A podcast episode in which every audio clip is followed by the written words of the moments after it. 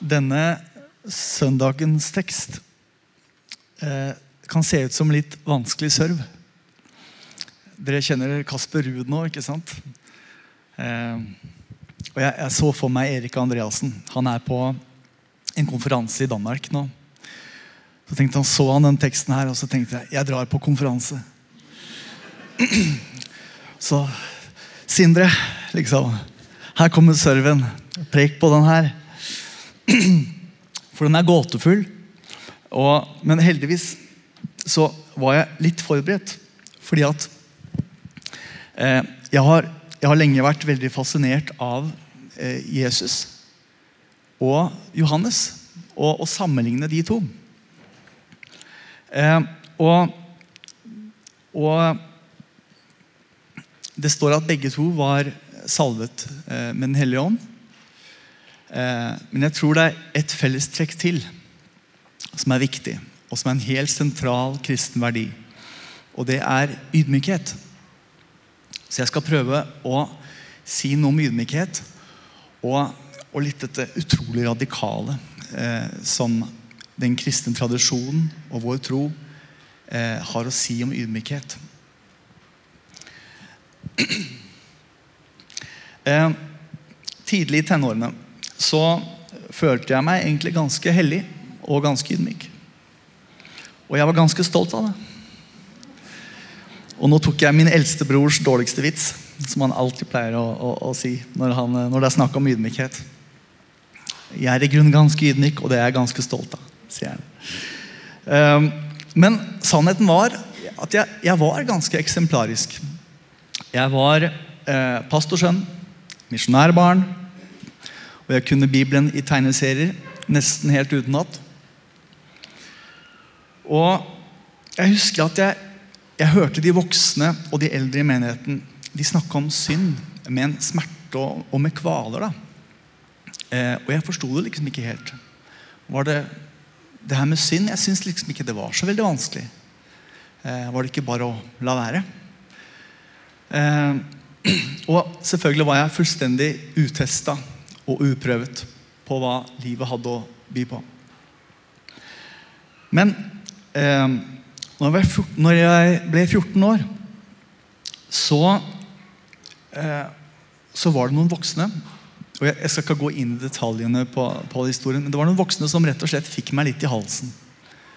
Og uten å egentlig Jeg tror de, jeg tror de var trodde de var velmenende. Eh, og uten helt å forstå det, så gikk de inn for å knekke meg. Og til en viss grad så klarte de det. Og ganske uskyldig så ble jeg offer for noe vondt. Og slik, slik det skjer med de fleste mennesker i løpet av livet. Sånn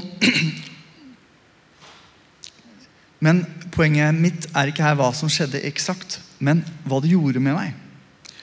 Og Jeg var 14 år, og denne erfaringen gjorde at jeg dypt inni meg selv konkluderte med at jeg var en person som var veldig vanskelig å like. Og det er ikke noe godt utgangspunkt for livet som kommer. Så hva gjorde jeg? Jeg forsto ikke helt at jeg hadde fått meg en skikkelig knekk. Så jeg gjorde det de fleste mennesker gjør når de opplever noe vondt. Jeg tok tilflukt i stoltheten. Det som er så trist, er at man, man blir sjelden umiddelbart et bedre menneske når man opplever noe vondt. Men Og jeg ble ikke ydmyk av det som hendte meg, men jeg ble ydmyket. Og det er en stor forskjell. Og når noe vondt skjer oss, så velger vi sjelden den beste og og mest ideelle veien videre. Jeg tok tilflukt i stoltheten, og jeg forsøkte å reparere meg selv med det jeg hadde for hånden. Og jeg jobbet med å bygge min verdi overfor andre mennesker. Og jeg sammenlignet meg konstant. Hva er bra nok? Hva er bedre enn andre? Jeg prøvde å bygge en fasade som virket modig og sterk og selvstendig. Og jeg herma det selvsikre, spesielt når jeg ble observert. Så jeg la ut på en, en egentlig en stor omvei. Og jeg så ikke at jeg selv Jeg så ikke meg selv. Og jeg var i mørket. Og på en måte kan man si at jeg led. Og lidelse i vår felles lange kristne tradisjon, det er ikke nødvendigvis det å lide under sykdom og død og ting som rammer alle mennesker, egentlig. Men det lidelsen i kristen tradisjon, det er å være i mørket og ikke forstå seg selv. Og det er en vond tilstand. Man går i destruktive sirkler. Man gjør de samme feilene igjen og igjen uten å klare å se hvorfor. Så den eksistensielle lidelsen i det å være menneske er å ikke se sin egen synd. Mens veien mot frihet som menneske er å se den. Så hva er ydmykhet i den kristne tradisjonen? Ydmykhetens utgangspunkt og grunninnsikt er det ærlige blikket på en selv. Det er nyttig å ikke bare tenke på følelser av skyld og skam når man hører ordet synd i denne sammenhengen. Å ikke se sin synd er like mye å ikke se seg selv og ikke forstå seg selv. Og målet med ydmykhet, det er hjertets renhet og en udelt, full og hel gudsrelasjon. Det er det ydmykheten sikter mot. Ydmykhet er motivert av lengsel. Lengsel etter å slippe å bli konstant dratt og revet i av begjær, av stolthet, havesyke og alt annet som hindrer oss fra å tilbe Gud med et helt og udelt hjerte. Ydmykheten den sier 'jeg trenger Gud'. Men stoltheten har en grunntone som sier 'jeg trenger ikke Gud'. Jeg skal ta litt av det vannet.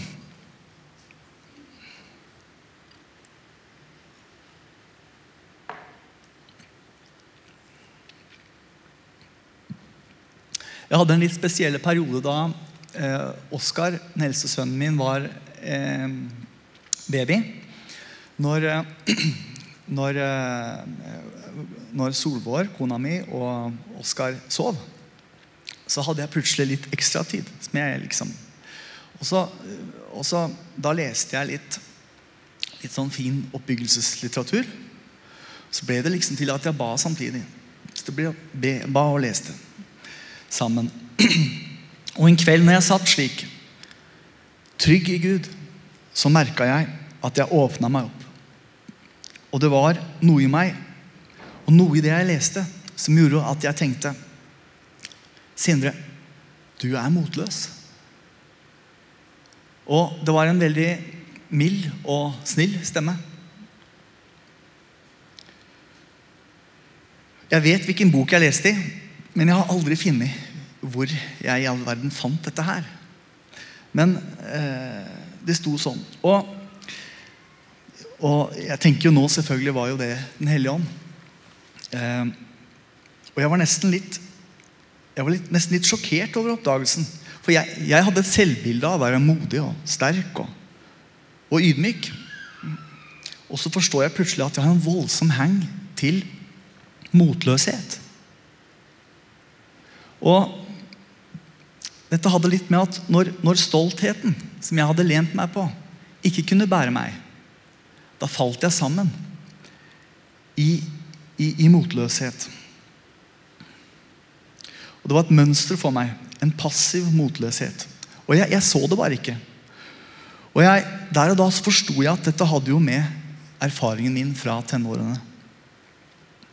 Og jeg hadde til og med feiltolka denne motløsen min motløsheten min til å være en slags en, en merkelig ydmykhet.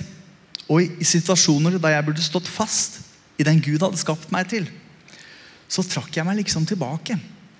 Eh, dette gikk visst ikke, nei. Jeg bare trekker meg ydmykt, beskjeden tilbake. Og, og det, det er ikke ydmykhet. Ydmykhet er ikke noe passivt. Men der og da så fikk jeg se meg selv. At jeg var kalt til håp, ikke til motløshet og frykt. Ydmykhet, det er, det er altså ikke beskjedenhet. Det er mange som blander, tror jeg. Beskjedenhet, det er å gjøre seg selv mindre enn man er. Mens ydmykhet er å gjøre andre større enn en selv.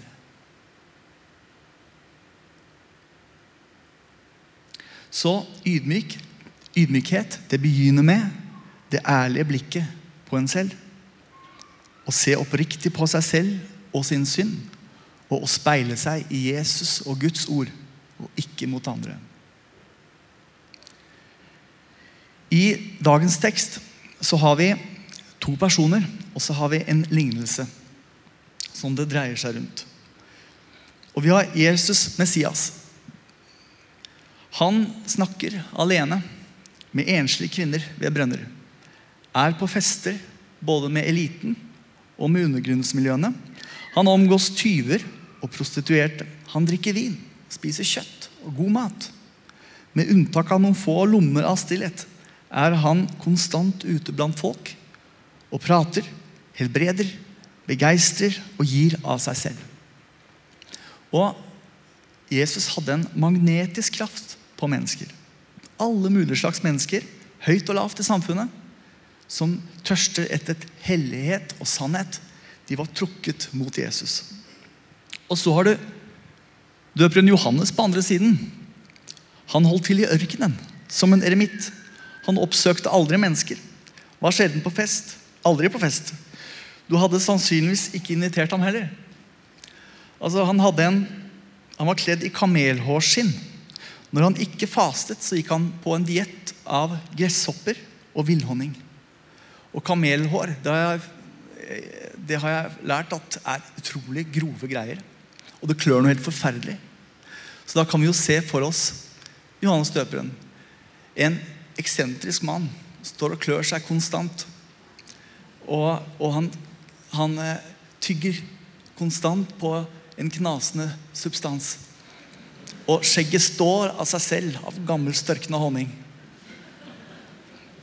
Så, men så står det Johannes hadde også en magnetisk kraft på mennesker. Alle mulige slags mennesker. Høyt og lavt i samfunnet. De som tørstet etter hellighet og sannhet, de var også tiltrukket av Johannes. Hva er fellesnevneren? Og Det er litt det her jeg nevnte i starten. Begge er jo salvet av Den hellige ånd. Men Jesus sier også noe gåtefullt om Johannes døperen. Han sier blant dem som er født av kvinner, har det ikke stått fram noen større enn døperen Johannes. Så hva var så stort med Johannes? Jeg tror det var ydmykheten. I det ytre så ser Johannes ut som den flinke her. For en karakterstyrke og offervilje. For å være røsten som roper i ødemarken, ofret han alt og holdt ut eremittlivet i ørkenen. For å oppfylle sitt kall og sin rolle måtte han ut i ørkenen. I ensomhet, bort fra komfort og festretter. Ytre sett så kunne det se ut som om Johannes levde et mer karakterfast og disiplinert liv enn Jesus. Men Johannes så klart seg selv. Han var ydmyk, og han sa om Jesus jeg er ikke engang verdig til å løse sandalremmene hans. Og når Jesus kom for å døpes av, av Johannes, så, ble, så, ser det ut som Johannes nesten ble forvirra. Det er jeg som må døpes av deg, sier han. Men Jesus insisterer. Jesus han var jo testet og fristet i alle ting uten å falle. Jesus hadde absolutt selvinnsikt. Og han var 100% ydmyk. Så han hadde et glassklart blikk av seg selv, og dermed også et glassklart blikk av alle han møtte. Ingen situasjon kunne vippe han av pinnen. Han kunne omgås hvem som helst og være hvor som helst alle disse miljøene som Jesus vanket i, og som vanligvis påvirka mennesker til å gjøre ting de angra på, de utgjorde ingen fristelse for Jesus. Jesus møtte alle fristelser med ydmykhet, og han var den forvandlende kraften Uansett hvor han var. Det var han som påvirket, og han ble ikke påvirket selv. Og så har vi det her merkelige Merkelige Eller litt gåtefulle, da. Eh, hva skal vi sammenligne denne slekten med? Det ligner barn som sitter på torget og roper til hverandre. Vi spilte på fløyte for dere, men dere ville ikke danse. Vi sang klagesanger, men dere ville ikke sørge. Og her, her føler jeg at jeg leser om vår tid og vår kultur og, den, og verden og den sekulære verden. Forstår verden dette med hellighet, dette med ydmykhet? Nei, de vil verken synge eller danse med, verken sørge eller gråte. Jesus, festens midtpunkt, helbreder, begeistrer og løfter opp. Johannes, eksentrikeren, han advarer, refser og kaller til omvendelse. Men verden forstår ikke og vil ikke. Jesus sier, 'Den som har ører, hør.' Men verden hører ikke. Nå skal jeg male litt med bred pensel. I den sekulære verden så er det en slags stolthetens kode som vi møter. Og det er motsatt av ydmykhet. Man må ydmyke før man selv blir ydmyket. Og man må iscenesette seg selv foran andre for å bli sett. Man må rope høyest for å bli hørt. Avbryte, for man blir aldri spurt. Man må smiske med mobberen for ikke å bli mobbet. Man må gjøre seg lik alle for å bli likt. Dine indre kvaliteter er din valuta, og du må alltid kreve mer tilbake enn du gir. Mens Bibelen sier Sett deg nederst ved bordet. Lån ut uten å vente noe igjen. Gi alt du er, til de fattige. Salig er de ydmyke, for de skal arve jorden. Det er, det er radikale ting vi tror på. Og det er veldig annerledes.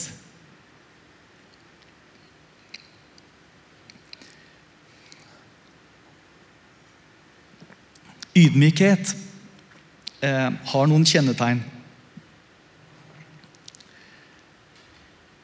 De som verden eh, så lett avskriver som stagnerte, uaktuelle og glemte og ferdige, hos de ser ydmykheten klart. At Gud, som har skapt alt liv, aldri vil avskrive noen. Ydmykheten ser alltid potensial i andre mennesker for ny kraft, nye tanker og nytt liv. Ydmykheten har lett for å låne Guds blikk på mennesker. Et annet kjennetegn på ydmykhet Ydmykhet åpner øynene for ens egen synd, slik at det blir nesten litt absurd å påpeke andres. Å se sin egen synd betyr da rett og slett å ikke se andres synder. Uten fornemmelse innser man at man har mer enn nok jobb med seg selv.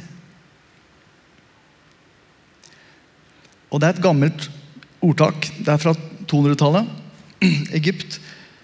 Og sier hvis man har et dødt menneske hjemme hos seg selv, blir det bare dumskap å gå for å gråte over den som har dødd hos naboen.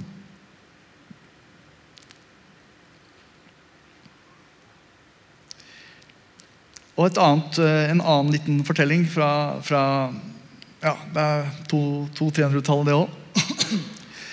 En bror som hadde syndet, ble sendt ut av gudstjenesten av kirkens tilsynsmann. Da reiste den hellige munken seg og gikk ut sammen med ham og sa, 'Også jeg er en synder'. Ydmykhet eh, tror jeg gjør en veldig var på egen stolthet. Og det er veldig nyttig å forstå når stoltheten er i spill. Så jeg har, jeg har mot slutten her så har jeg, jeg, har, jeg har lagd eh, tre obs. Eh, sånn eh, varsko. Og den første Jeg håper de skal være nyttige. Det er også også en, et gammelt ordtak fra kristentradisjonen. Eh, ingenting er så nyttig for en ung munk som fornærmelser. Munken som blir forulempet og tåler det, ligner på et tre som blir vannet hver dag. Så når, når ble du fornærma sist? Altså ikke, ikke sist gang du ble såret, men fornærma. Eh, hva skjedde da? Hva var det i deg som ble pirka i? Eh, jeg vil påstå at eh, hvis man våger å gå inn i det, det øyeblikket, der du kjente stoltheten svulma, enten gjorde du noe dumt eller du klarte å holde igjen, eh, der er det en liten skatt, og der er det et potensial for vekst. Obs nummer to. Enhver sammenligning med andre mennesker er et lite varsko. Når vi sammenligner oss, så er det ofte stoltheten vår som leter etter en referanseramme som, som, som vi kan heve oss over eller under. Og gjøre oss bedre enn. Eller det kan også bety at beskjedenheten, din prøver å finne grunner til å gjøre deg liten. Så også det her med å sammenligne seg, det er også et varsko. Da er stoltheten gjerne i spill. Obs nummer tre. Testen på ydmykhet den starter ikke når du og jeg er klar for det. Den starter når du føler deg ukomfortabel, er sulten og tørst og trøtt og sliten. Akkurat som med Jesus i ørkenen. Når de skal velge hvem som skal være soldater i Telemarksbataljonen altså de, Disse 400 norske soldatene som faktisk er i stand til å forsvare oss i landet, og som vet hva de gjør. Eh, når de skal velge ut hvem som skal få bli med i Telemarksbataljonen, da, da tar de vekk komfort. De tar vekk mat og søvn. Og så setter de soldatene i en vanskelig situasjon. Og så ser de hvem, hvem, hvem blir vanskelig og grinete? Hvem prøver å imponere og klare seg selv? Eller hvem hjelper medsoldatene sine? Hvem søker samarbeid for å klare oppdraget? Så det var obs nummer tre. Når vi er sultne, eh, trøtte, slitne Vi bruker jo det gjerne som en sånn bortforklaring. Du, 'Det jeg sa i går, beklager. Jeg hadde en dårlig natt', sier vi. Men, men egentlig, det er da. Det er da. Eh, når komfort, eh, sult, eh, trøtthet slår inn, da, da, det er da det begynner.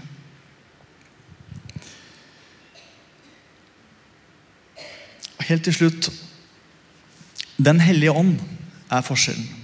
Og nåden i Jesus Kristus er kilden. Å forstå seg selv og få et glimt av sannhet om seg selv eh, tror jeg vi må ta imot som en gave.